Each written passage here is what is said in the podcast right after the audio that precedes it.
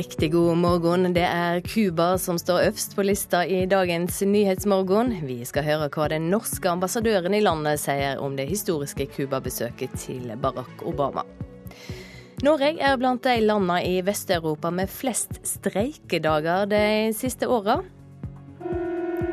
Og denne lyden kan det bli slutt på. Det nasjonale varslingssystemet vil ikke lenger fungere når FM-nettet blir skrudd av neste år.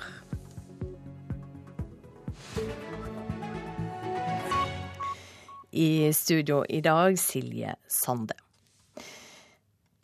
USA oppnår mer ved å snakke med unge cubanske gründere enn med politiske dissidenter. Det sier den norske ambassadøren på Cuba, Jon Petter Oppdal. I dag skal USAs president Barack Obama møte cubanske gründere under sitt besøk i Havanna. At Obama nå kommer til å forholde seg til eh, mindre enkeltstående, skal vi si, eh, innovative ungdommer som har ideer som de har kjempet for å prøve å, å få, få, få, til og komme opp og stå. Ikke fordi, men til tross for eh, situasjonen i landet.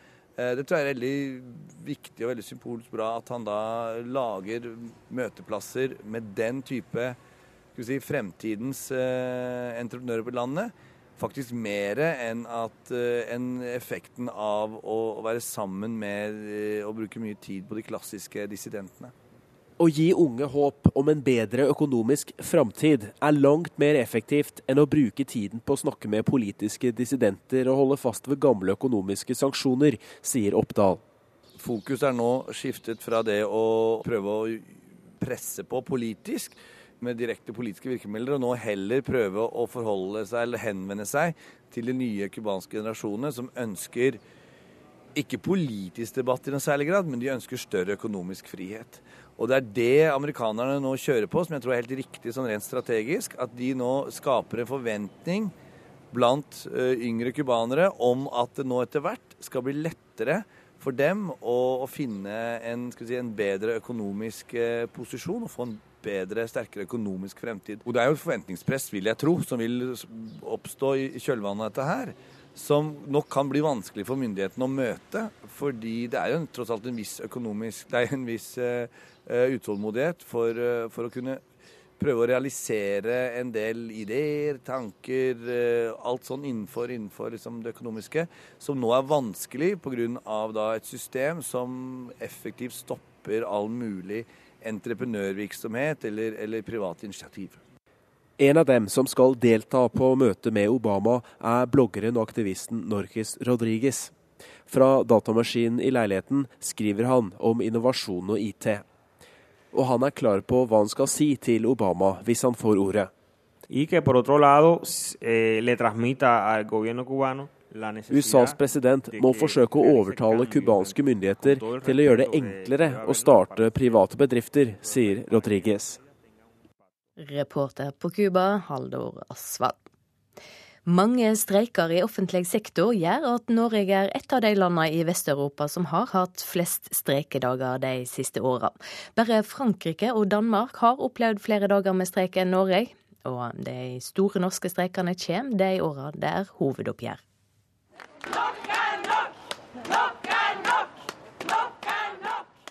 Etter påske er det på'n igjen. Landets arbeidstakere vil ha lønnstillegg, enda de allerede tjener 1210 milliarder kroner til sammen. Blir ikke arbeidsgivere og arbeidstakere enige om lønnsøkning, så blir det streik. Nå eller aldri! Nå! Sånn Historisk sett så har vi nok ligget sånn cirka i midten, og da, da snakker vi om vesteuropeiske land. Sier Fafo-forsker Kristine Nergård.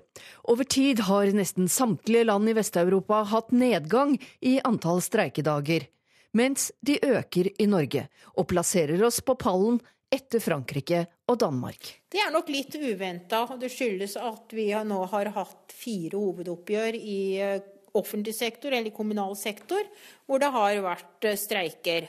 Og det er det lenge siden vi har hatt. Det har vært mange streiker eh, eh hvor KS har vært motpart. Er det tilfeldig? Jeg tror det er litt tilfeldig. Det, hvis vi tenker at det har vært fire KS-streiker nå i de siste fire hovedoppgjørene, så er de utløst på litt ulike måter. I, for to år siden så var det jo en streik som handla om lærernes arbeidstid. Disse streikene har vært nødvendige. Og vi har streika spesielt mye siste tida. Det sier Unio-leder Ragnhild Lid. Hun organiserer politi, lærere og sykepleiere, blant andre. Eh, jeg strever ikke for å komme på den pallen, det er andre paller jeg heller vil være på. Men jeg skal ta et medansvar for at vi er der. Samtidig så vil jeg understreke at her må også arbeidsgiversida ta et stort ansvar. Når påsken er vel overstått, er det igjen klart for vårens vakreste eventyr. Og Unio-lederen er like klar i sine krav nå som de fire siste gangene offentlig sektor endte i streik. Ja, vi begynner jo å planlegge årets eh, oppgjør, og det er klart. Vi ser eh, at eh, det ligger an til å bli trange rammer, og da blir jo fordeling av pengene innenfor hvert tariffoppgjør svært viktig. Men blir det streik, spør jeg Fafo-forsker Kristine Nergård.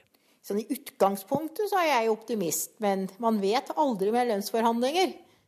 Reporter Hedvig Bjørgum. I framtida kan det bli slutt på Sivilforsvaret sitt nasjonale varslingssystem med sirener. Systemet vil nemlig ikke fungere når FM-nettet blir sløkt til neste år. Justisdepartementet vurderer nå bl.a. SMS-varsling i stedet for det er vel ikke sikkert det at hvis vi skulle starte opp med et befolkningsvarslingssystem i dag og bygd det fra bunnen av, så er det nok ikke sikkert at det var tyfoner vi ville satsa på da. Men siden 30-tallet er det nettopp denne sirenelyden fra såkalte tyfoner som har varsla store deler av innbyggerne i Norge om viktig melding lytt til radioen. Systemet styres via FM-nettet, men når DAB overtar, må anlegget bygges om eller byttes ut med noe annet. Statssekretær Gjermund Hagesæter i Justis- og beredskapsdepartementet sier de nå vurderer SMS-varsling. Tyfonvarsling er da én mulighet. En annen mulighet er også dette med SMS-varsling på mobiltelefon. Det har man en del eh, kjennskap til i andre land, og det er mange land som er veldig fornøyd med det. Allerede 11.1 til neste år slukkes FM-nettet i Nordland som første fylke i landet. Stortingsrepresentant i Arbeiderpartiet Kjell Idar Juvik ba nylig justisministeren svare på hvorfor man ikke har ei løsning på plass. Juvik mener vi bør beholde dagens sirenevarsling. Sånn som jeg tolker svaret, så svarer han at Herman vil gjøre en vurdering om man helt tatt skal ha det her varslingsanleggene i framtida. Hvorfor er det et problem dersom man eh, kutter disse ut? Nei, Det har vist seg at det er de mest effektive måtene å varsle eh, innbyggerne på i tettbebygde strøk. Det er, sier direktoratet at det er den beste måten å varsle på. Det finnes over 1250 sirener i Norge som må bygges om dersom varslingssystemet skal virke også i framtida. Likevel mener statssekretær Hagesæter at man har god tid til å finne ei løsning. Vi føler det at vi har forholdsvis god tid til å forberede oss på det. Gjermund Hagesæter i Justis- og beredskapsdepartementet til reporter Adrian Dahl Johansen. Vi skal ta en kikk på dagens aviser. VG har snakka med ti nordmenn som forteller om hvordan det er å miste jobben. De forteller om eh, hvordan det er å få den tunge beskjeden, de økonomiske utfordringene og håpet for framtida. Nå skal Nord-Norge strømsikres, skriver Nordlys. En ny 300 km lang kraftlinje mellom Balsfjord og Skaidi skal bygges i løpet av de neste åra. Prislappen kommer på mellom 4 og 6 milliarder kroner. Dagbladet skriver om hjerneslag. Avisa skriver om hva tegnene skal se etter, og forteller om hva som reduserer dødsrisikoen mest. Rask behandling kan være forskjellen mellom å havne på sykehjem og å klare seg sjøl. Norske kyllinger lever for trangt, sa styresmaktene for tre år siden. Nå har fuglene enda dårligere plass, skriver Aftenposten. Forklaringa er at de produsentene som deltar i et dyrevelferdsprogram, og det er nær 100% får lov å ha flere kyllinger per kvadratmeter. Frisk rogn skal redde villfisken, forteller Bergens Tidende. Miljødepartementet har brukt 40 millioner kroner på en genbank for laks og sjøaure i Hardanger. Nå er norgeshistoriens største redningsaksjon for villfisk i gang. Nordmenn heller ikke ut i Londons City og rømmer fra hardkjøret i finansmetropolen, skriver Dagens Næringsliv. Finansmiljøet i Norge sliter ifølge avisa med å finne talent med London-erfaring. Etter A-mediasalet vurderer LO å kjøpe nye aviser, forteller Klassekampen. Arbeidstakerorganisasjonen sitter trolig igjen med 150 millioner kroner etter salet, og nå åpner LO for nye medieinnkjøp. Flere jakter på lykke uten Gud, forteller Vårt Land. I ei tid der religion taper terreng, trengs sekulære organisasjoner som kan fylle tomrommet når færre søker til kirker, moskeer og tempel, hevder en ny global rapport om lykke. Og trass i oljekrisa er det kraftig vekst i tallet på ledige stillinger på Sørlandet, skriver Fedrelandsvennen. Ferske tall viser at det i snitt er 25 flere ledige stillinger i Agder nå enn i fjor. Så skal vi ha sport her i Nyhetsmorgen. Landslagstrener for de norske hopperne, Alexander Støkkel, blir hylla av kollegaene sine etter en sterk norsk sesong. I går avslutta et norsk lag som i november ble karakterisert som ungt og urutinert, med nok ei topplassering da Johan André Forfang ble nummer tre i verdenscupavslutninga i Planica. Skal vi se på forfang her, da. Siste hoppet denne sesongen. Fin høyde. Kom igjen, Johan. Nå må du stå opp til hoppet ditt. Ja, det er bra! Det er kjempebra ja, Ja, jeg, jeg er overraska. Jeg, jeg, tror ikke at det er mulig med et såpass ungt lag å, å, å ha så mye gode resultater på det høyeste nivået og, og klare seg gjennom en hel sesong. Ehm, det er ikke vanlig. VM-gull for lag i skiflyvning i januar. Sammenlagtseier for lag i verdenscupen. Tredjeplass i skiflyvningscupen og tredjeplass individuelt i verdenscupen. Sier alt om en god og jevn sesong, som ikke engang Alexander Støkkel hadde turt å håpe på. Etter at Anders Bardal og Anders Jacobsen takket for seg etter forrige sesong, og verdensmester Rune Velta har slitt med formen, så det ikke lyst ut for Norge før denne vinteren. Men Gangnes, Forfang, Tande, Fannemel og co. har gjort tvilen til skamme. Landslagstrener for Tyskland, Werner Schuster, som kjenner Støkkel godt, er ikke overrasket. Inside, really who, who, has, who can fly awesome. I think the lead is really good.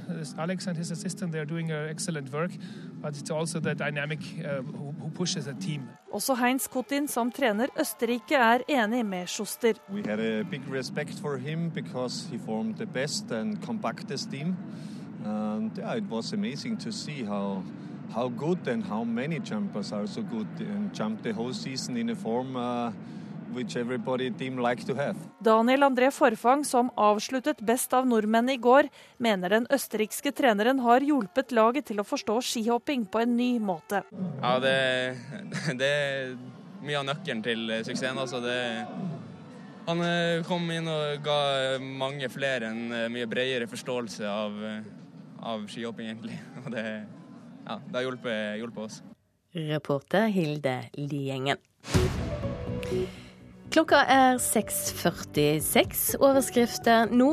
Dette er et historisk høve, sier USAs president Barack Obama om sitt besøk til Cuba. Det første fra en amerikansk president på nesten 90 år.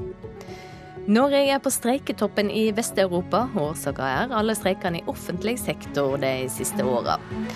Og om litt topprestauranter er lei av gjester som ikke dukker opp. Nå har flere innført straffegebyr.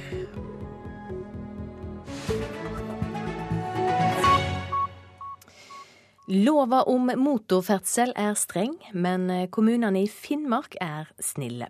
90% av alle som søker om dispensasjon i Finnmark, får nemlig ja til å kjøre snøscooter dit de vil. Fem av 19 kommuner sa ja til absolutt alle søkerne i fjor.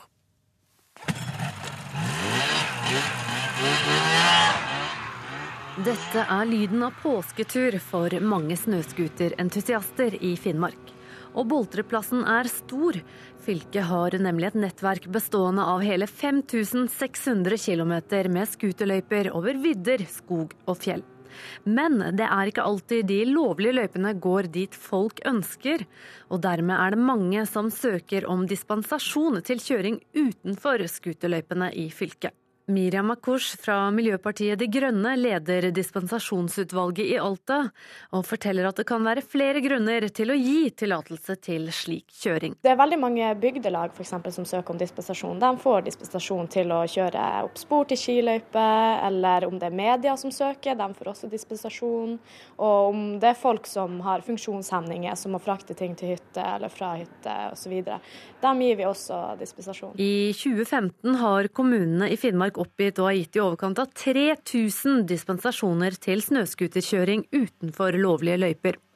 Og da er ikke store kommuner som Sør-Varanger, Vadsø og Kautokeino engang med i regnestykket, fordi disse kommunene ikke har rapportert inn sine statistikker innen fristen gikk ut gruppeleder for Arbeiderpartiet i Alta, og eier og daglig leder av Alta Motorsenter, Ole Steinar Østlyngen, synes selve motorferdselloven som regulerer snøscooterkjøringa, kunne vært litt mindre streng. Jeg synes det kunne vært sluppet opp på en god del punkter, f.eks. kjøring til løypestart fra hytte som er nærliggende, kunne besøke hytte i, nabo, i, i hyttefelt, eh, kunne kjøre litt friere på vann. Den kommer jo.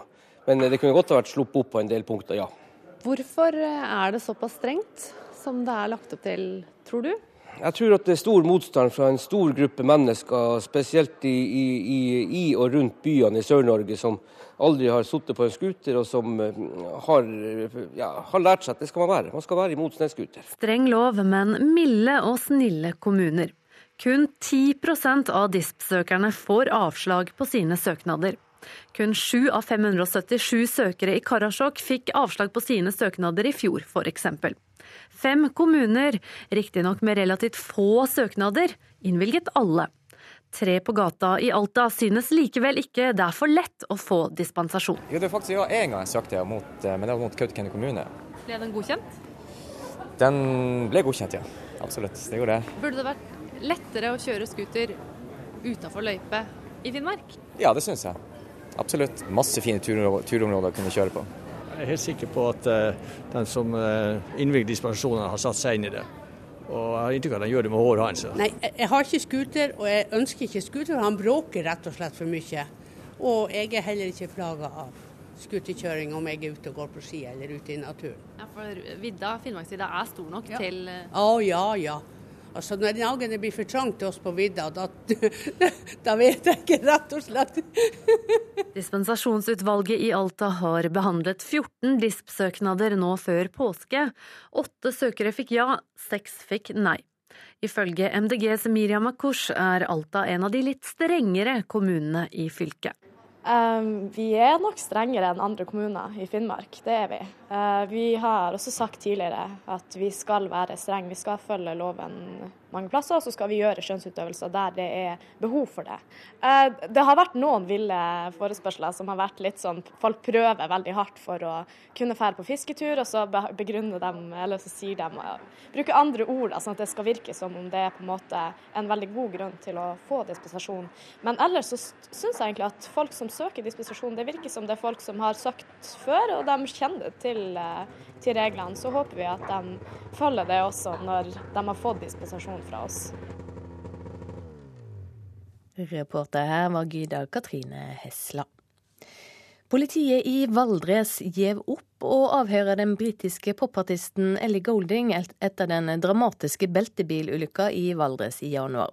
Golding var på opplevingstur i fjellheimen da beltebilen hun var passasjer i, gikk gjennom isen på Tyin. Saka havna hos politiet, og de har lenge prøvd å få til et avhør av superstjerna, men nå gjør de ikke flere forsøk. Nei, vi kommer ikke til å gjøre noe mer forsøk på å få henne i tallene. Det sier politiadvokat i Innlandet politidistrikt, Joakim Sopp Onsrud. Det var i januar at den britiske popstjerna Ellie Golding var på vei til hundesledetur ved Eidsbugarden i Valdres. På vei dit i beltebil ble idyllen i fjellheimen dramatisk brutt da hele bilen med følge gikk gjennom isen på Tyin. Oh shit, we are in. Skrev Goldings fotograf Conor McDonald på Instagram i ettertid. Han, Golding og føreren kom seg velberget ut via taket på vogna. Men saken fikk et etterspill. Det var ikke søkt om tillatelse til ferdselen. Og politiet satte i gang etterforskning som nå går mot slutten. Ja, den er ikke helt ferdig etterforsket ennå, men, men, det gjenstår ikke så veldig mye. Så, så vil, han vil etter hvert nå snart bli oversendt eh, til meg til påtaleavgjørelse. At Golding nå slipper å forklare seg, er fordi vi ikke tror hun har så mye å tilføre i forhold til om det skjedde noe straffbart denne januarkvelden, sier Sopp Onsrud. Slik at uh, Politiet vil ikke bruke mye ressurser på eventuelt å få noe avhør av henne. Nei, Så dere tror rett og slett ikke hun kan nok om hva som er straffbart i den norske fjellheimen? Nei, det, det, det vet jeg ikke hva hun kan, men, eh, men jeg tenker at, det, at hun kanskje ikke vil kunne tilføre saken så veldig mye i forhold til det. Flere personer er avhørt, men politiadvokaten vil ikke utdype hva de har forklart, eller om det faktisk har skjedd noe ulovlig. Nei, det kan jeg ikke på nåværende tidspunkt. Jeg må få saken ferdig etterforsket, og så må jeg gå inn og se på saken og vurdere den ut ifra den fakta som ligger i saken, eh, og se om det har skjedd et straffbart forhold. Ja, Det sa politiadvokat Joakim Sopp Onsrud til reporter Torunn Myhre. Norske popkomponister tjente i fjor til sammen 588 millioner kroner. I 2000 var de samla inntektene på 187 millioner kroner. Bjørn Eidsvåg, Odd Nordstoga, Marit Larsen og Susanne Sundfør er noen av de populære artistene i Norge som skriver låtene sine sjølve, og som tjener gode penger, skriver Dagens Næringsliv. De såkalte Tonopengene kommer fra alle som bruker musikk i kringkasting, strømmetjenester og på konserter i inn- og utland, men også fra forretninger og utesteder der det blir spilt musikk. Flere restauranter sliter med at gjester ikke avbestiller bordreservasjoner dersom de ikke kan komme. Restauranten Kontrast i Oslo, som nylig fikk ei Michelin-stjerne, har innført et eh, gebyr på 1000 kroner til gjester som ikke dukker opp eller avbestiller i siste liten. Nå vurderer andre restauranter å gjøre det samme. En av dem er Le Benjamin bar og bistro. Hun svarte ikke, så da får vi prøve neste. Hver uke bruker hovmester på Le Benjamin Thomas Pedersen timevis på å ringe gjester. Her nede på den franske bistroen på Grünerløkka er det som oftest helt fullt, og da er det greit å forsikre seg om at gjestene kommer. Hei, jeg ringer bare for å bekrefte deres bordreservasjon hos oss i kveld for fem personer klokken kvart over ni. For det er ikke lenge siden restaurantsjef og eier Magdalena Rosenblad hadde en dag som fortsatt sitter ferskt i minnet. Alle er bekreftet, de som skal komme, og noen vi ikke har fått tak i. Så er klokken ni, vi venter på tre bord og de kommer ikke. Da sjekka hun mobilen og innså at hun hadde sagt nei til over 100 sultne gjester denne dagen, og satt likevel igjen med tomme bord og mindre penger i kassa. Da var jeg så utrolig sur. Derfor sier de nå at det er mulig å innføre en såkalt no show-avgift. Som betyr at du betaler en viss sum om du avbestiller på et tidspunkt der det blir vanskelig for restauranten å fylle bordet når maten allerede er i ovnen og personalet står klare. Og den tanken er de ikke alene om. Nei, Vi er liksom litt sånn i planleggingsfasen, og vi har snakket med mye andre kolleger i bransjen. Det blir jo et rent tap hvis vi står der med tomme bord som ikke vi får fylt opp igjen. Sier Rosenblad, og forteller at dette er et generelt problem i restaurantbransjen. Folkeskikk i min bok, det er folkevett. Og det har noe med hvordan mennesker skal være mot hverandre. Sier kikk- og brukekspert Toppen Beck. Hun ser for seg at dette er vanskelig for restaurantene, og synes det er hjerterått når folk ikke møter opp til reservasjonene sine. Vi har så mye glede av god mat, og restauranter er blitt en del av vår, virkelig vår hverdag. Og, og har vi bestilt, så står vi ved en avtale. Det er god norsk oppførsel å ikke bryte avtaler. Ja. Lukten av fersk fisk og hav treffer neseborene inne på intime kontrast når dagens leveranse med torsk kommer inn døra. For i kveld er det sjømat på menyen. I kveld blir det sjøkreps og skrei, kongekrabbe, and. Sjefen selv, Mikael Svensson, dro nylig inn en Michelin-stjerne til restauranten. Men allerede i sommer innførte de en no-show-avgift på 1000 kroner. Og det har vært merkbart. Vi begynte med bankkort- eller kredittkortbekräftning av bord i somras. Sen dess har vi bara haft två rena no-show-bord. Tidigare innan vi började med no-show så sket folk att ringa bara, de bara dök inte upp. Det måste handla om respekt för vad vi gör. Det är inte annorlunda än att du kastar bort vår tid som du kastar bort din tandläkartid om du inte kommer på din bokade timme. Reporter Nikolai Volsdal. Vi skal ha et værvarsel fra Meteorologisk institutt. Fjellet i Sør-Norge får nordvestlig bris, liten kuling utsatte steder i høgfjellet, for det meste skyet. Etter hvert litt ved snø, vesentlig i vest og nord. I kveld noe lettere vær, spesielt i langfjella. Østland og Telemark bris av skiftende retning, i formiddag lettskya vær. Senere skiftende skydekke, det kan bli litt regn og sludd i indre strøk. Snø inn mot fjellområder i nord og i vest. Agder nordvestlig bris, liten kuling på kysten vest for Lindesnes. Etter hvert skiftende skydekke og litt regn, snø helt i nord. I kveld lettere vær. Vestlandet sør for Stad bris av skiftende retning. Fra i ettermiddag nordvestlig bris, frisk bris på kysten. Skyer, perioder med regn og yr. Snø over 500 til 700 meter og lokal skodde. Møre og Romsdal og Trøndelag vestlig opp i frisk bris, senere skiftende bris. Skyer, perioder med regn, snø over 300 500 meter, lokal skodde. Nordland skiftende bris, i formiddag perioder med nordøstlig frisk bris på kysten. I Vesterålen enkelte snøbyger, ellers opphold og perioder med sol. Fra i ettermiddag litt snø på Helgeland. Troms og kyst- og fjordstrøka i Vest-Finnmark bris omkring nord. Fra i formiddag skiftende bris, av og til frisk bris på kysten. Enkelte snøbyger, færre byger utover dagen. Finnmarksvidda skiftende bris og fint vær. Øst-Finnmark nordlig frisk bris. På kysten av og til liten kuling tidlig på dagen. Opp i stiv kuling i øst. Snøbyger, flest byger i ytre strøk. Nordensjøland på Spitsbergen skiftende bris og fint vær. Så har vi temperaturene målte klokka fire. Svalbard lufthavn minus 13, Kirkenes minus 9, Vardø minus 2, Alta minus 10. Tromsø, Langnes og Bodø minus 5, Brønnøysund minus 2, Trondheim, Værnes og Molde pluss 3, Bergen, Flesland og Stavanger pluss 4. Kristiansand, Kjevik 0, Gardermoen og Lillehammer pluss 1 grad. Røros minus 1 grad, og Oslo-Blindern hadde 0 grader. Videre er det venta omtrent uendra temperaturer over hele landet.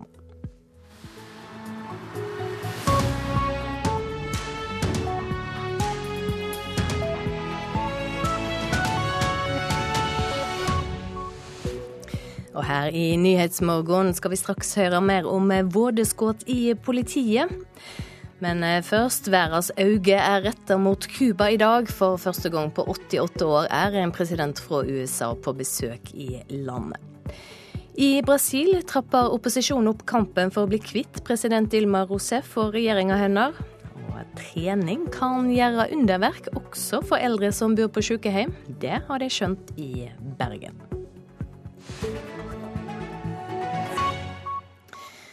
Som vi hadde i Dagsnytt, Barack Obama landa i går kveld på Cuba som første sittende amerikanske president på 88 år. Que bola Cuba, hva skjer Cuba, skrev han på Twitter idet presidentflyet Air Force One landa i Havanna. Etter det har han gjesta den nyåpna amerikanske ambassaden gått i gamlebyen og vært innom katedralen etter at han altså kom i går kveld. Senere i dag skal han ha samtaler med president Raúl Castro og utenriksmedarbeider Sigrun Slapkar. Obama er den første president fra USA som drar til Cuba siden 1928. Hvor viktig er dette besøket? Ja, Det er historisk på flere måter. Det handler jo om oppmjuking etter mange år med isfront. Men det handler jo òg om en svart president som akkurat nå kanskje er mer populær på Cuba enn i USA. Besøket skjer jo dessuten på et tidspunkt da det må bli et generasjonsskifte på Cuba. Og det er mange svarte på Cuba som føler at den Castro-styrte revolusjonen har gitt for lite nettopp til deg. Obama skal nok vite å snakke til dette publikummet. Hvordan er tilhøret for folk på Cuba nå? Ja, som jeg akkurat nevnte, svarte eldre revolusjonshelter føler seg glemte. Det er rapporter om sosial nau blant særlig denne gruppa. Og på samme tid så skal en jo huske at Cuba ligger i front på f.eks. å utdanne helsepersonale, et godt skolesystem. Men det er lite ytringsfridom for dissidenter. Og Cuba har hengt etter med medieutviklinga. Så det For mange på Cuba nå så har det jo handla om å stå sammen mot en handelsblokade. Den handelsblokaden som er i ferd med å bli avvikla fra amerikansk side. Og denne motivasjonen da for å halde ut mot en ytre fiende har gjort godt på, på samholdet på Cuba, men det vil jo endre seg nå.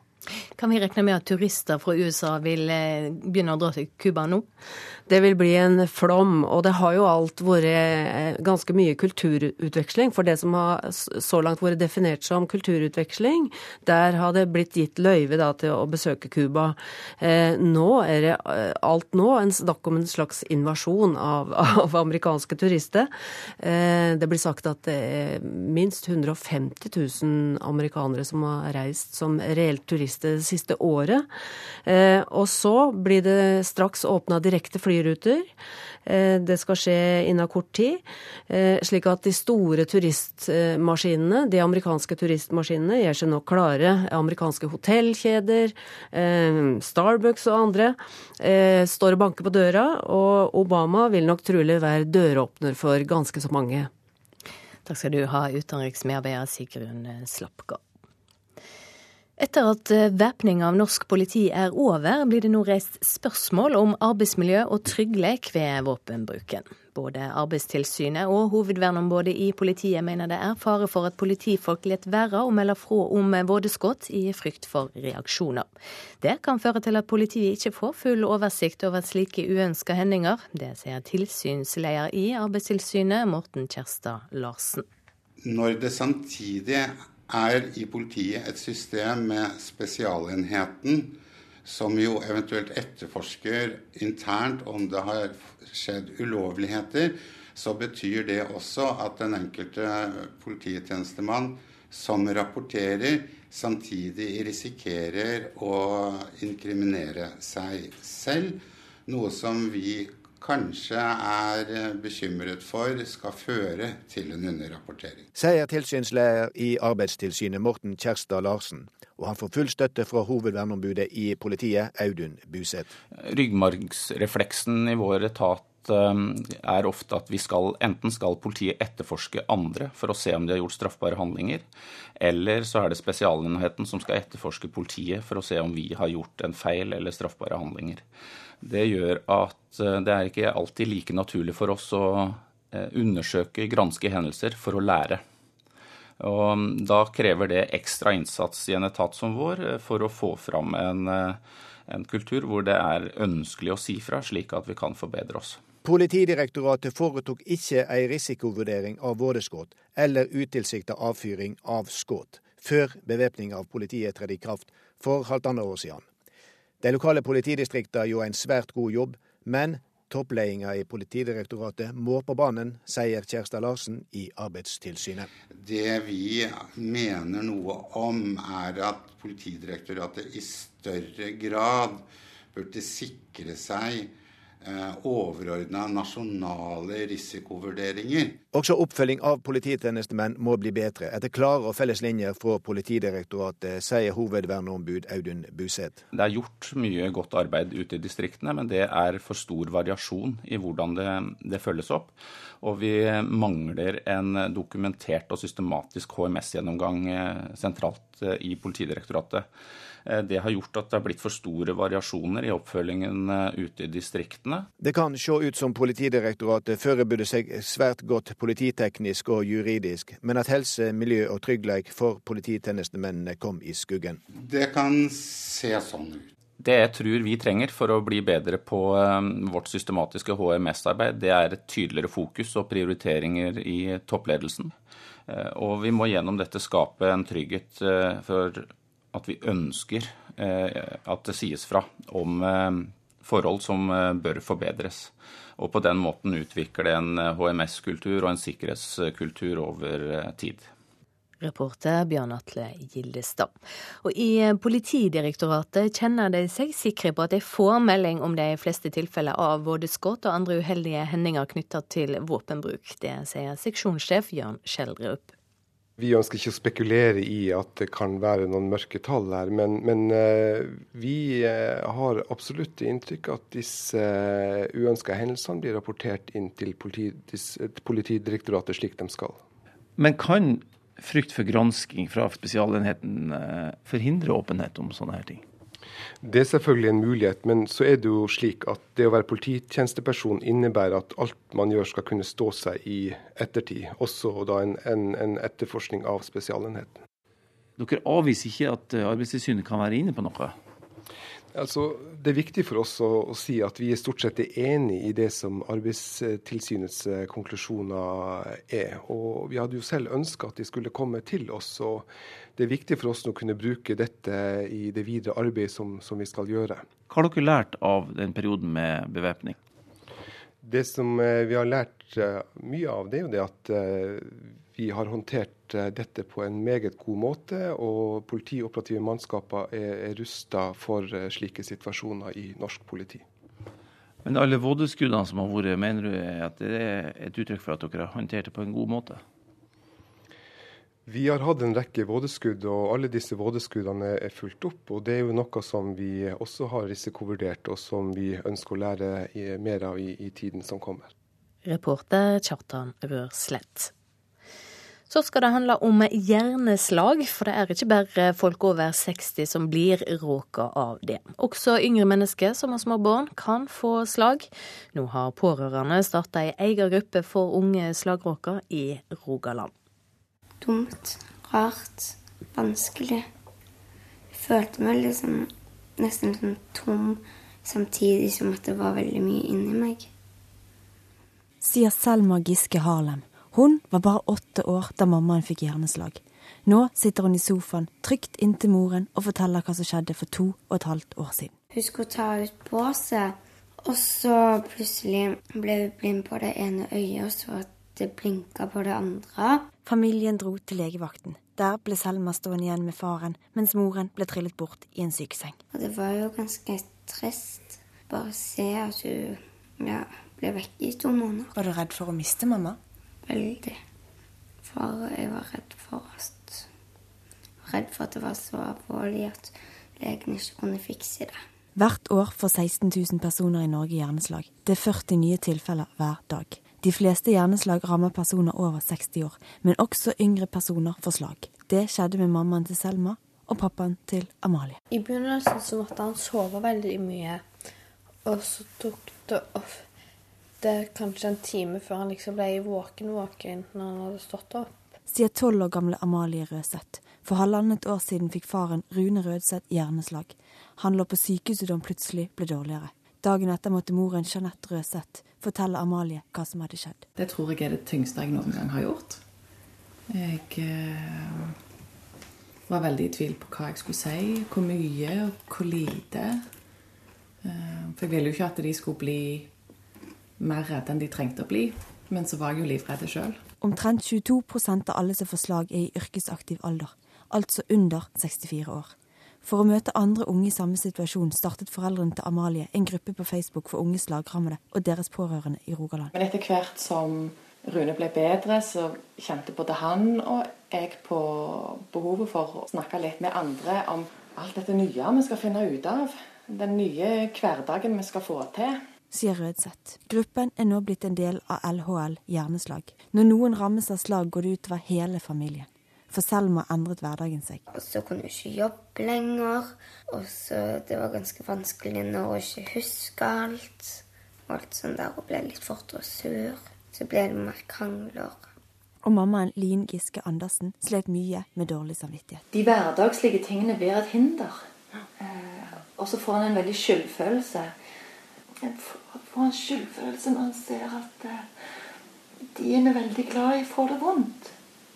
Eh, fordi at jeg ikke klarer eh, å styre mine følelser og reaksjoner. For mange barn hjelper det å snakke med noen utenfor familien. På rehabiliteringssenteret Lassa i Stavanger får barna til alle pasientene tilbud om en samtale.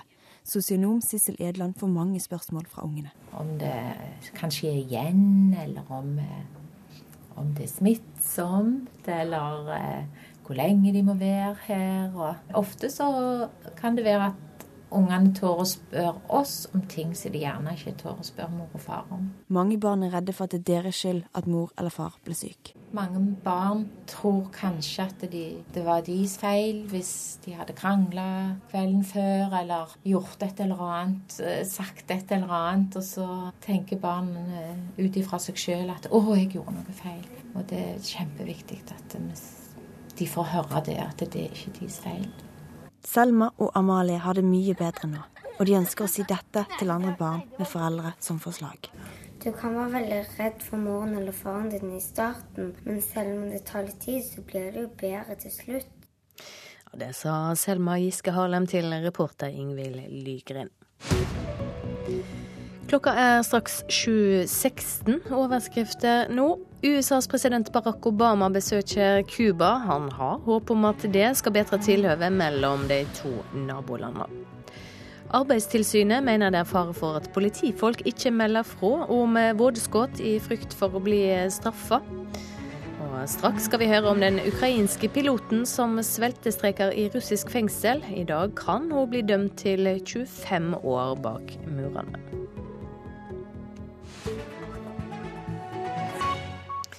Først nå til Brasil. Der trapper opposisjonen opp kampen for å bli kvitt president Dilma Rousef og regjeringa hennes. Det er sett ny fart i riksrettssaker som blir forbudt mot Rousef. Samtidig har en høyesterettsdommer stansa utnevninga av tidligere president Lula da Silva som stabssjef og minister. Opposisjonen mener utnevninga skjedde for å verne da Silva mot tiltale og fengsling.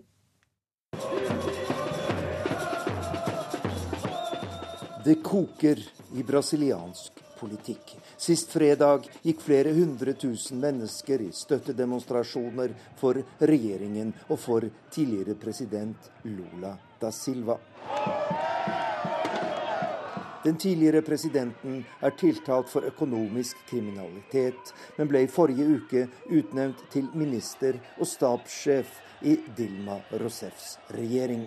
Lula var til stede under demonstrasjonen i Brasils største by, Sao Paulo. Alle dere er kommet hit fordi dere vet hvor viktig demokratiet er, og fordi dere vet hvor viktig det er at fattige mennesker får muligheten til å bedre sin livssituasjon, sier den tidligere presidenten. Men Lula er blitt stadig mindre populær her i Brasil, og kritikken har økt ytterligere de siste dagene. Lula, En telefonsamtale mellom Lula og president Dilma Rousef har stått i sentrum for brasiliansk politikk de siste dagene. Samtalen, som er blitt avlyttet av politiet og lekket til mediene, er ifølge opposisjonen et bevis på at Lula er blitt innsatt som minister for å unngå tiltale og fengsling, og en dommer i Høyesterett blokkerte fredag kveld innsettelsen.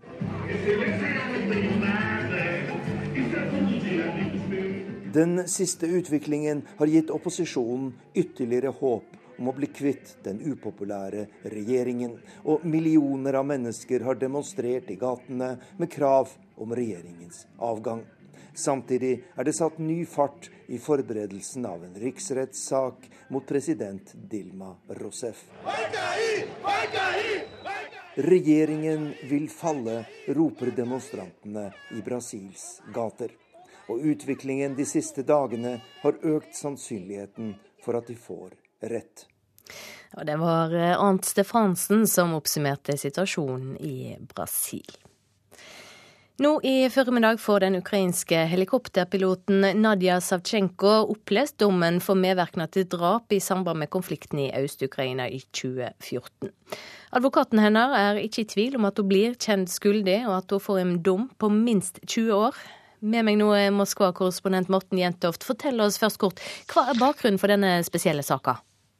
Ja, Bakgrunnen er som du sa, konflikten i Øst-Ukraina, der det sommeren 2014 var voldsomme kamper både i Donetsk og ikke minst i Luhansk fylke.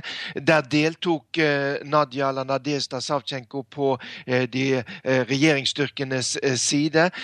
Under kampene utenfor byen Luhansk så ble to russiske journalister drept av et granatnedslag. like etterpå, eller i forbindelse med det, så ble også Nadia Savtsjenko tatt til fange fange av opprørerne. Eh, og de har da senere anklaget henne for å lede ilden som førte til at de to journalistene ble drept. Selv sier hun det at dette er oppkonstruerte påstander. At eh, mobiltelefonen hennes viser at hun ble tatt til fange en time før dette skjedde. Men dette er eh, en politisk rettssak der Russland og russiskstøttede separatister står mot Ukraina. Ja, for sjøl sier Savtsjenko at hun er utsatt for et politisk komplott som er styrt eh, faktisk direkte for den russiske presidenten Vladimir Putin. Ja, eh, og det er jo ingen tvil om at dette er en eh, politisk sak, selv om omstendighetene rundt akkurat det som skjedde da de to journalistene ble drept, er uklare. Eh, hun sier jo selv at hun ble da tatt til fange av de prorussiske separatistene. Senere også da ført over grensen og inn i Russland, der hun jo dukket opp i et russisk fengsel. Og rettssaken foregår jo da ikke i Ukraina, der dette skjedde, men i, i Russland. Og Derfor så mener hun det at dette er blitt en symbolsk sak der russiske medier har kjørt en svertekampanje mot henne. og eh, Det er da bakgrunnen for at hun mener det at dette ikke er en reell rettssak, men egentlig en rettssak der Russland står mot Ukraina. Hun har jo også sveltestreker flere ganger i fengselet. Hvordan har hun det nå? Ja, eh, en eh, russisk eh, journalist, Victoria Viktoria Ivlevja, legger ut på Facebook nå i dag tidlig opplysninger fra et besøk i fengselet i går, som forteller at Nadia Savtsjenko er ikke helt bra. Hun har jo, som du sier, sultestreiket en periode. Tok hun jo ikke til seg heller drikke. Hun har vondt i føttene, i leddene, men er, har avsluttet på en måte denne tøffeste delen av sultestreiken, sånn at hun er klar da, til å stille i rettssalen i byen Donetsk, som da ikke må forveksles med Donetsk som ligger inne i Ukraina, men som ligger inne i Russland. Denne Donetsk hvor rettssaken skal uh, avsluttes i dag. Hva er, er det venta kommer til å skje etter at dommen er klar? Ja, Det blir jo det mest interessante nå. fordi at Det har jo vært antydet at det kan bli, etter at dommen er klar, en utveksling mellom Ukraina og Russland her. Denne dommen har jo veldig sterk internasjonal kritikk. Eh, så spørs det da om eh, russerne vil gi etter da, eller vise svakhet, eller eh, vise svakhet og si at de gir det etter for internasjonal kritikk. Men vi vet at i ukrainske fengsler der sitter det to russiske spesialsoldater. sånn at det har jo vært antydet at disse to spesialsoldatene kan bli utvekslet med Nadja Savtsjenko etter at da dommen har falt i dag. Takk skal du ha, Moskva-korrespondent Morten Jentoft. Så skal vi ta en kikk på dagens aviser. VG har snakka med ti nordmenn som forteller om hvordan det er å miste jobben. De forteller om hvordan det er å få den tunge beskjeden, de økonomiske utfordringene og håpet for framtida.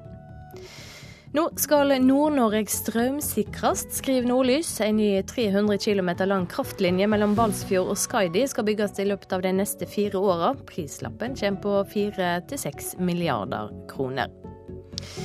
Dagbladet skriver om hjerneslag og om hva tegnene skal se etter, og forteller også om hva som reduserer dødsrisikoen mest. Rask behandling kan være forskjellen mellom å havne på sykehjem og å klare seg sjøl. Norske kyllinger lever for trangt, sa styresmaktene for tre år siden. Nå har fuglene enda dårligere plass, skriver Aftenposten. Forklaringa er at de produsentene som deltar i et dyrevelferdsprogram, og det er nær 100 får lov å ha flere kyllinger per kvadratmeter.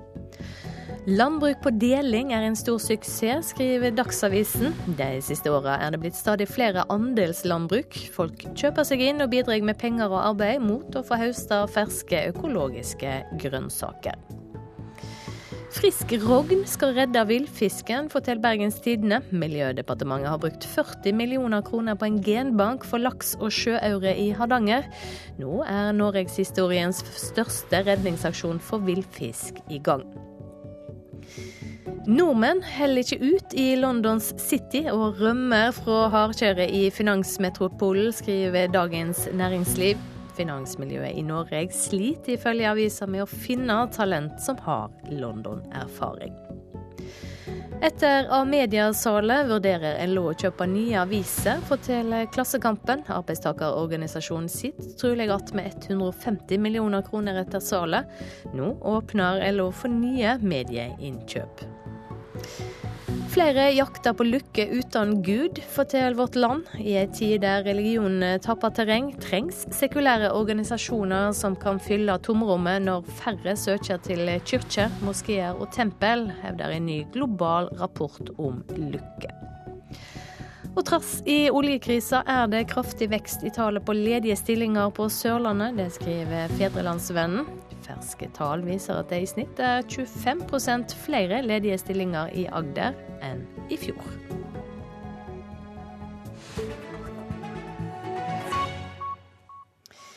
Eldre som bor på norske sykehjemmer, får i liten grad tilbud om trening. Men treningsopplegg for denne gruppa kan gi store effekter, ifølge forskning. Bergen kommune satser nå bevisst på trening for sine sykehjemsbeboere. Og ved Arna helsetun har bl.a. sykling blitt en del av hverdagen. Sånn. Da må vi stille inn her. sant? 89 år gamle Gudrun Jacobsen gjør seg klar til en treningsøkt. Hun tar plass i en god stol og får hjelp til å feste beina til pedalene.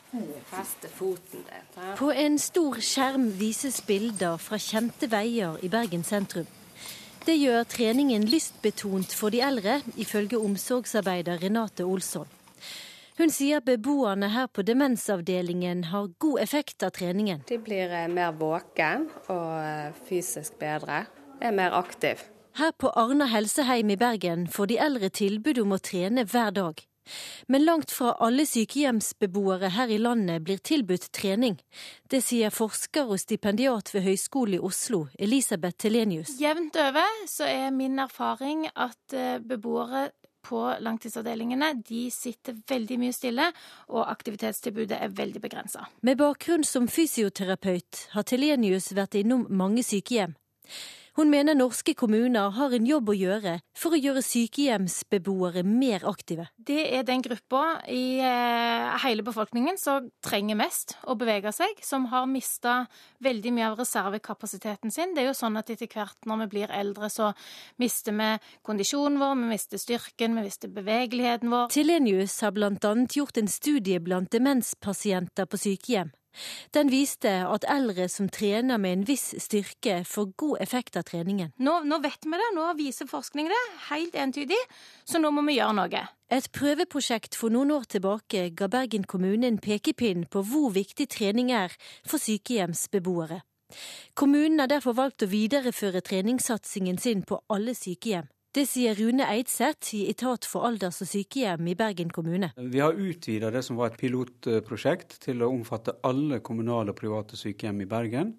Det har ualminnelig stor betydning. Dette er like viktig som uh, mat og medisiner og aktiviteter for øvrig. Men det å trene muskler, det å trene på mobilitet og styrke, det er uh, utrolig viktig også for gamle folk.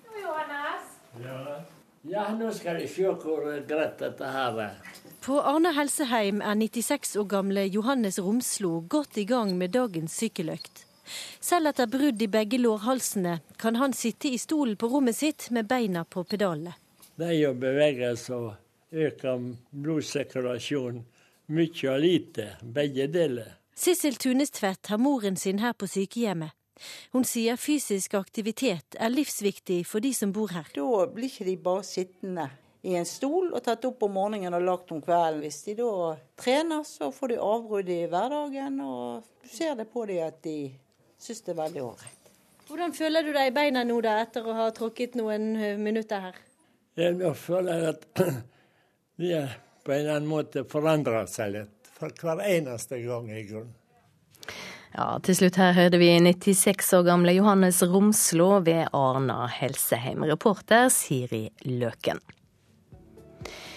I reportasjen om drøye ti minutter skal det handle om et gigantisk digitalt bankran. Faktisk et av de største i verdenshistorien. Produsent for Nyhetsmorgen i dag er Arne Fossland, og her i studio Silje Sande. Nå er det straks klart for Dagsnytt 7.30.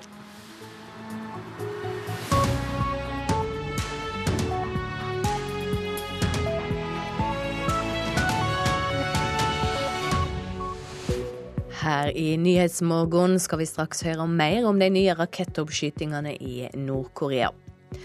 Hordfast blir det dyreste veiprosjektet i Norge. Nå krangler fagfolka om hvor stor effekten egentlig blir.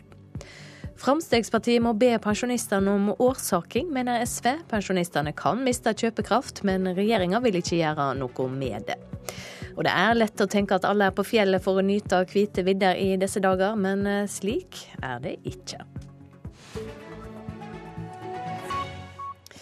Ja, som vi hørte i Dagsnytt, Nord-Korea har altså avfyrt nye raketter utenfor eh, kysten av landet. Det ifølge sørkoreanske kjelder. Og det skjer bare tre dager etter forrige oppskyting, som førte til kraftige internasjonale reaksjoner. Og hva mer vet vi om denne siste episoden, eh, utenriksmedarbeider Sigrun Slapkar? Ja, Det er altså det sørkoreanske byrået Yonhap som melder at Nord-Korea har prøveskutt raketter og prosjektiler ut i sjøen. De skal ha gått 200 km til havs. Eh, og dette er altså da de siste i ei lang rekke tilsvarende prøveskytinger. Eh, det sørkoreanske byrået siterer ei regjeringskjelde som nå opplyser at militærledelsen i Sør-Korea prøver å skaffe flere detaljer rundt denne siste runden av oppskytinger. Og dette er alvorlig, for eh, president Barack Obama varsla sist uke faktisk at eh, USA nå vil skjerpe sanksjonene mot Nord-Korea. Og dette som følge av landets atomprøvesprengning før i år. Og altså denne nye testinga av mellomdistanseraketter, da. Hvor alvorlige er disse signalene fra Nord-Korea? Nord-Korea har eh, flere ganger trua med å gjennomføre et såkalt forebyggende atomangrep mot Sør-Korea. Eh, og landet har trua med å prøveskyte raketter utstyrt med kjernefysiske stridshoder. Eh, så dette er alvorlige signal, og FNs sikkerhetsråd skjerpa nå i mars sanksjonene mot Nord-Korea som en reaksjon på at landet da gjennomførte atomprøvesprengning i januar og skjøt opp en satellitt i februar. Så det ser ut til at Nord-Korea nå holder fram og trosser verdenssamfunnet, om da denne siste meldinga viser seg å stemme. Eh, det er flere land som mistenker at oppskytinga er en fordekt test av langdistanseraketter. Og FN har jo òg tidligere vedtatt resolusjoner som forbyr Nord-Korea å utvikle raketteknologi. Takk skal du ha, Sigrun Slapgard. Fagfolk greier ikke å bli samde om effekten av det som blir det dyreste veiprosjektet i Norge, til 39 milliarder kroner. Hordfast, som skal binde Bergen sammen med Stord, er en del av planen om å få til en ferjefri E39 fra Kristiansand til Trondheim. Men medan enkelte mener prosjektet vil løfte hele Vestlandet, mener andre at effekten blir høgst lokal. Ringvirkningene av dette har vi beregnet til ca. 400 millioner. Det er relativt lite i forhold til kostnadene ved, ved prosjektet. Bernt Sverre Mehammer og Covi har sett på ringvirkningene av det dyreste veiprosjektet i landet. Konklusjonen er at fjordkryssingsprosjektet på E39 mellom Os og Stord ikke vil gi noen stor vekst i de to kommunene. Stord er litt for langt unna Os. Det er langt nok til at eh, folk i liten grad kommer til å pendle mellom eh, Stord og Os. Veien til 39 milliarder som skal gå fra Os via Tysnes til Stord, vil ifølge Kowi i hovedsak gi svært lokale effekter. Først og fremst i den minste kommunen i midten. Det er uh, Tysnes som er den klare vinneren av uh, utbyggingen av uh, Stord-Os. Jeg vil vel tro at det ikke bidrar til at dette prosjektet er det mest samfunnsnyttige i, i, landet. Det står i skarp kontrast til funnene til Torgeir Reve ved BI. Det vi vet er at effektiv infrastruktur har veldig stor betydning for verdiskapingen i landet. Han mener gigantprosjektet vil gi gevinst for store deler av Vestlandet. Nesten uansett hvor mye det vil koste. Vi har i våre analyser sett på at uh, folk uh, tåler ca. en time, ikke noe mer enn det. Hvis du klarer å skape et arbeidsmarked, og du, veien din til jobb er under en time, så får du et, et, et samlet arbeidsmarked. Det næringslivet som finnes i Haugesund, ligner på det næringslivet som finnes i Stavanger. Det som finnes på Stord, ligner på det du har i Bergen.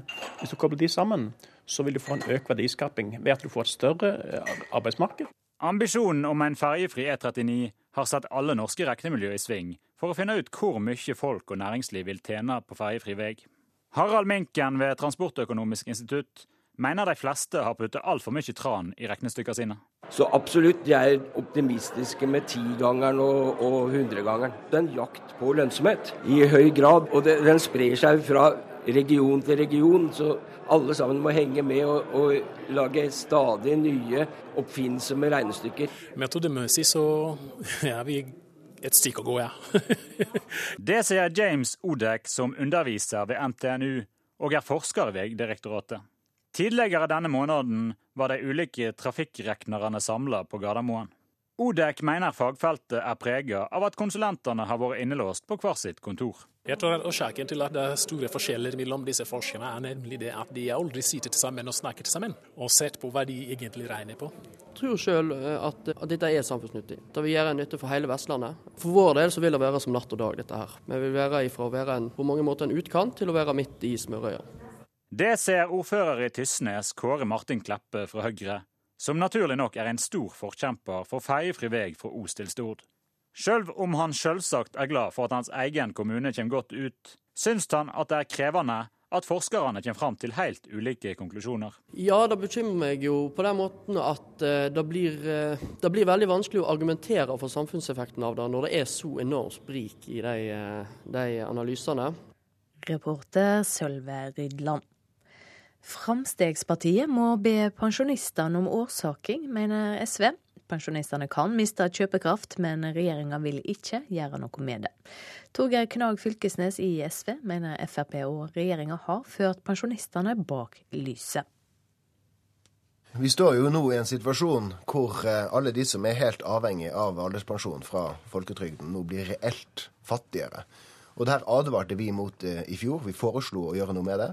Eh, Frp eh, eh, lovde på Stortingets talerstol, Wiborg gjorde det, Robert Eriksen gjorde det, at dette skulle man komme tilbake til. Pensjonen skal følge lønnsveksten, men ikke helt. Det skjer en underregulering på 0,75% Dagens pensjonister skal også bidra til innsparingene i pensjonsforliket. Det betyr at de kan miste kjøpekraft i år med lave lønnstillegg.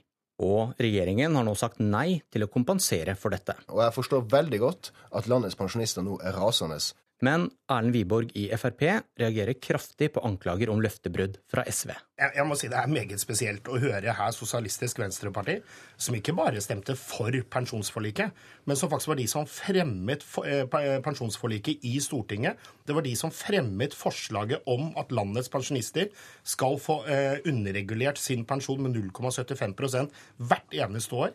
Fremskrittspartiet advarte Sosialistisk Venstreparti eh, mot det forslaget deres, men allikevel så fremmet de det. De vedtok det, de stemte for det. Og så kommer SV her og snakker om hvem som skal be om unnskyldning til landets pensjonister. Ja, det er jo helt riktig. Vi, vi fikk ikke gjennomslag i eh, regjering med Arbeiderpartiet og Senterpartiet for vår modell for pensjon i 2005. Så vi styrte, så, i likhet med Frp, som de gjør nå, i dag med, med, utgangspunkt i pensjonsforliket. Men likevel så kjefter du på dem fordi de gjør det samme ja, som dere gjorde om å ikke, styre på Ikke under et, et eneste år i våre, vår tid i regjering. Ikke en eneste gang fikk pensjonistene faktisk redusert kjøpekraft. Knag Fylkesnes, dere kjemper altså for at de ikke skal tape på at det nå er moderate lønnsoppgjør. Og hvor mye satte dere av i deres alternative budsjett for 2016 til å sørge for at pensjonistene ikke kommer ut i minus? Vi, vi, vet jo ikke fasiten for hva som er lønnsutviklingen. Nei, men Dere gikk høyt på banen også i vår og klagde på dette her. Hvor mye satte dere av for, for, neste år for å, for å, sørge for at pensjonistene ikke går i minus? Men dette er jo, ikke sant, det er, med, med trygdeoppgjørene så tar man og gjør opp året etter, når man vet hva som er fasiten. Svaret, svaret er, dere nevner det ikke med et ord. Ja, dere setter det, ikke av én krone til dette i deres alternative budsjett, som jeg leste i går? Det er ingen som kan gjøre det, og det gjorde heller ikke Frp. Kunne dere ikke skrevet at vi ønsker å bruke penger på dette? Dette koster jo 2,5 milliarder kroner, og dere har brukt opp alle pengene i deres alternative budsjett på andre ting. Ok, det Tallet 2,5 milliarder eh, det er over to år. og Det er vel tall som faktisk ikke helt er offentlig enda. Reporter Bjørn Myklebust. Både Arbeidstilsynet og hovedverneombudet i politiet mener det er fare for at politifolk lar være å melde fra om vådeskudd i frykt for reaksjoner. Det kan føre til at politiet ikke får full oversikt over slike uønska hendinger. 20.11. avfyrte en tjenestemann 18. i år avfyrte en av livvaktene Dette er hendinger som er rapportert og fulgt opp. Bevæpning av politiet varte fra juli 2014 til 3.2 i år. Og Selv om politiet ikke er bevæpna nå, kan situasjonen raskt endre seg igjen. Men både Arbeidstilsynet og hovedverneombudet i politiet mener det er en betydelig risiko for at polititjenestemenn ikke melder inn vådeskudd. Når det samtidig er i politiet et system med Spesialenheten, som jo eventuelt etterforsker internt om det har skjedd ulovligheter, så betyr det også at den enkelte polititjenestemann som rapporterer, samtidig risikerer å inkriminere seg selv. Noe som vi kanskje er bekymret for skal føre til en underrapportering. Og i Politidirektoratet kjenner de seg sikre på at de får melding om de fleste tilfeller av vådeskudd og andre uheldige hendinger knytta til våpenbruk. Det sier seksjonssjef Jørn Skjelderup. Vi ønsker ikke å spekulere i at det kan være noen mørke tall her, men, men uh, vi uh, har absolutt inntrykk at disse uh, uønska hendelsene blir rapportert inn til Politidirektoratet slik de skal. Men kan frykt for gransking fra Spesialenheten eh, forhindre åpenhet om sånne her ting? Det er selvfølgelig en mulighet, men så er det jo slik at det å være polititjenesteperson innebærer at alt man gjør skal kunne stå seg i ettertid, også da en, en, en etterforskning av Spesialenheten. Reportere Bjørn Atle Gildestad og Kjartan Rørslett. Klokka er straks 8.45. Overskriften er nå her i Nyhetsmorgen. Nord-Korea har på nytt skutt opp flere raketter. Det skjer bare tre dager etter førre oppskyting. Og som vi hørte, Arbeidstilsynet mener det er fare for at politifolk ikke melder fra om vådeskudd i frykt for å bli straffa. Om litt skal vi høre at én ting er å bli samla om eh, hva kommuner som skal slå seg sammen. Noe helt annet er å enes om hva de nye kommunene skal hete.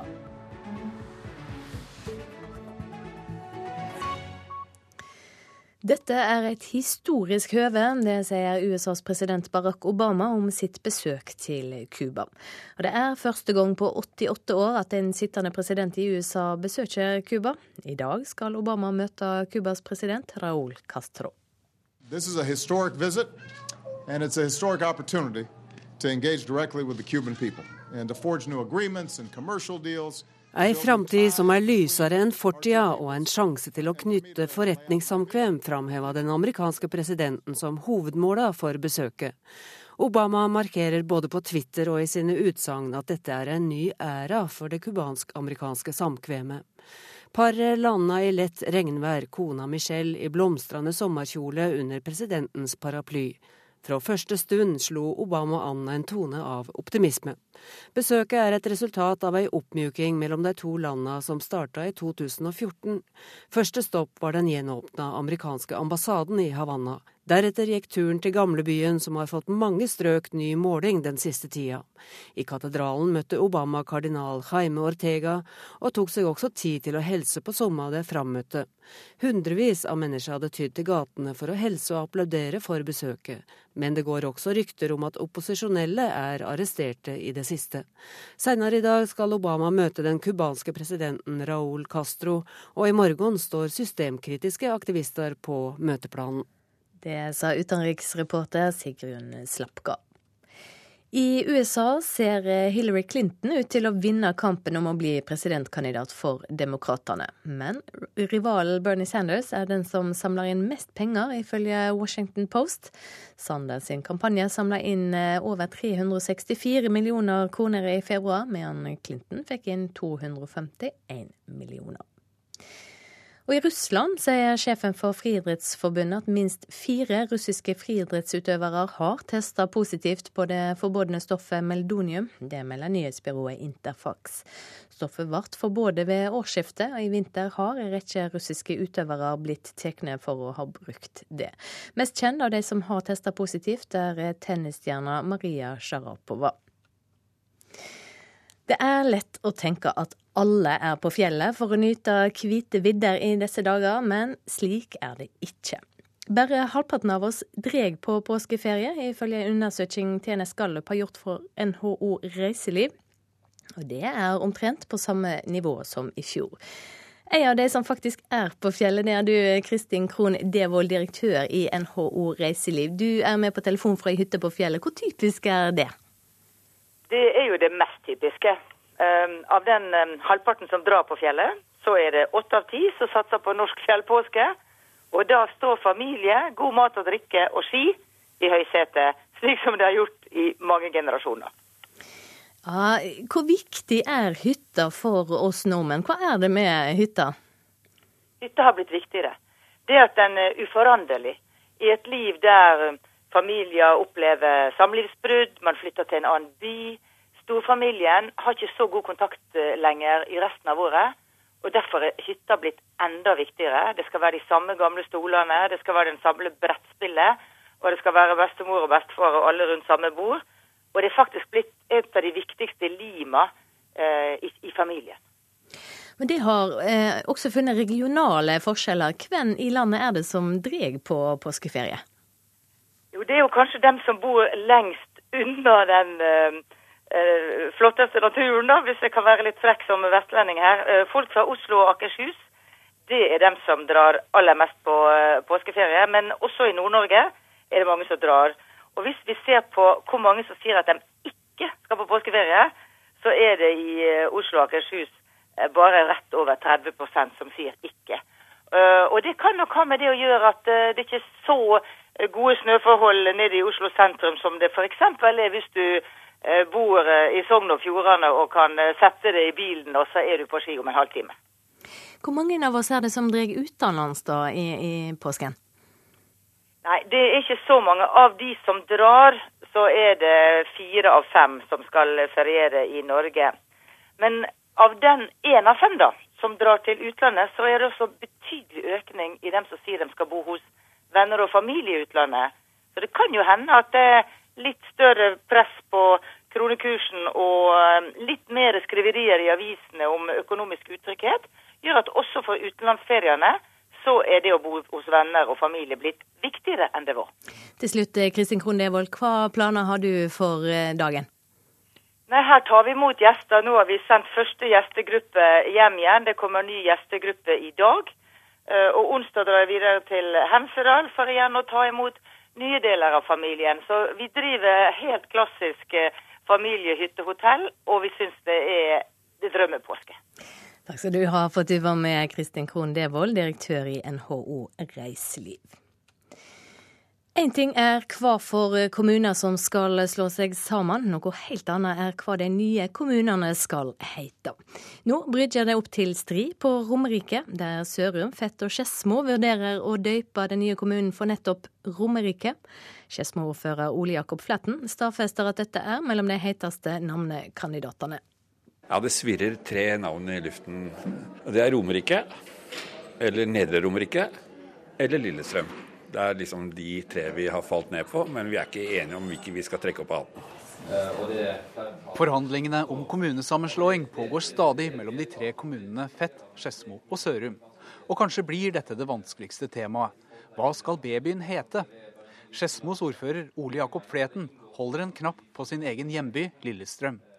Men i de to andre kommunene har ikke bynavnet så god klang, og Sørum-ordfører Marianne Grimstad Hansen heller mot et av de andre alternativene. Fra Sørums side så har vi ønske om at det skal hete Nedre Romerike eller Romerike. Men dersom de tre kommunene vil gjøre Romerike-navnet til sitt eget, kan de vente seg bråk fra kommunene rundt. Romerike er ikke et navn de tre kommunene har hevd på, tvert imot. Det er en region med 13 kommuner. Og eh, dette er tre kommuner som har tatt hevd på et navn de ikke har rettigheter til. Sier Tom Ståle i Ullensaker. Navnet Romerike stammer fra Raumarike, som var et småkongedømme i mange hundre år før Norge ble samlet til ett rike. Heller ikke lederen for Romerike historielag, Tom O. Halvorsen, har sans for at det nå kan bli navnet på den nye kommunen rundt Lillestrøm. Det høres jo egentlig helt forferdelig ut. Skedsmo og Sørum og Fett, det, de jo, det er jo bare en liten del av Romerike. Jeg tror man skal være veldig forsiktig med å lefle med historien. Eh, historie er, er, viktig for eh, både innbyggere og de kommunene vi snakker om her. Eh, så, så, jeg tenker at eh, de tre kommunene Fett, Sørum og Skedsmo bør gå i tenkeboksen en gang til og komme opp med et annet navn enn en Romerike. Og så bør man ikke glemme at historien har betydning for mange. Sier ordføreren i Ullensaker, som for øvrig innenfor sin kommune har Nordens største gravhaug til minne etter de gamle raumerikingene. At Romerike er navn på et mye større område enn disse tre kommunene, er nødvendigvis ikke noe hinder, mener derimot Sørum-ordføreren. Hvis vi ser eh, til Gudbrandsdalen, så er det også tre kommuner i Gudbrandsdalen som eh, har foreslått at de skal kalle seg for Gudbrandsdalen kommune, eventuelt Midt-Gudbrandsdalen eh, kommune. Og det er tilsvarende vi ser på her. Det sa til slutt Sørum-ordfører Marianne Grimstad Hansen til reporter Dag Åsdalen.